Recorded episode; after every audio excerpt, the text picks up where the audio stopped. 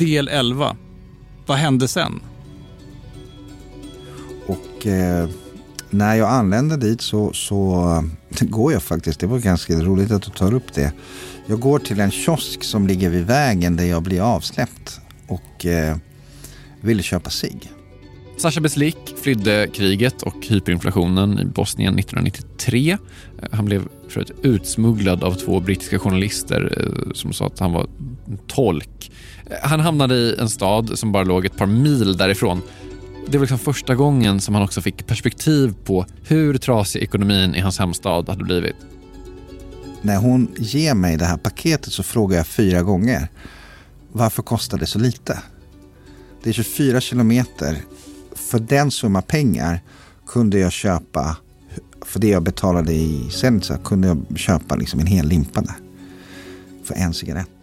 Så du kan ju tänka liksom hur det här blir ju helt schizofrent. Liksom. Sen hamnade Sasha Beslik i Sverige och han gjorde karriär i finansbranschen. Men även om kriget tog slut och hyperinflationen bekämpades så blir liksom inte allting som vanligt igen. Alltså, Sasha berättar hur en hel generation människor förlorade allt.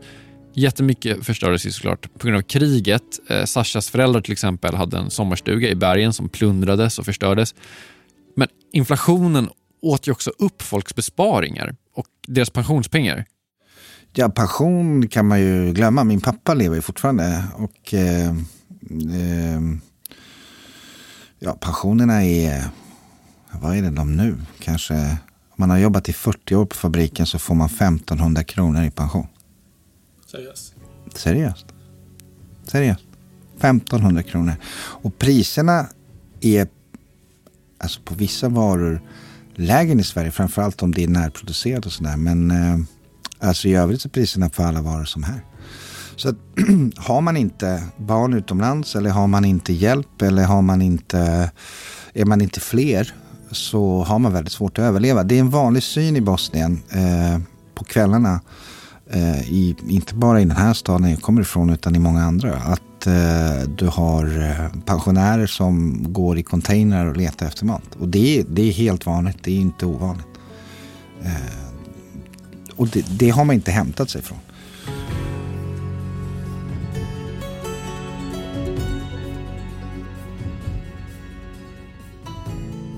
Och det här är också precis vad Steve Hank har sett the savings will be lost uh, it, it, for particularly the people on low low income, low wages that have most of their assets would be in cash or something like that. Steve Hank, alltså ekonomen från John Hopkins universitetet i Baltimore. Du menar inflationsjägaren? Exakt. Eh, han säger att de som faktiskt förlorar mest på den här hyperinflationen, det är de som har låga löner och vars besparingar ofta består av typ kontanter.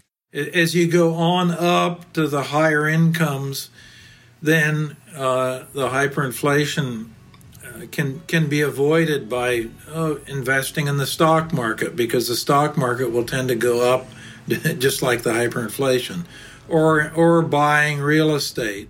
Men ju rikare folk är från början, desto bättre brukar de också klara sig. Möjligheten att investera pengar i typ aktiemarknaden eller fastigheter eller andra valutor eller vad som helst. Liksom det som ofta klarar hyperinflationen bättre, de är ju större för folk som har mer tillgångar. Så de rika blir rikare och de fattigare blir fattigare, det du säger? Typ så. Väldigt deppigt. Väldigt deppigt.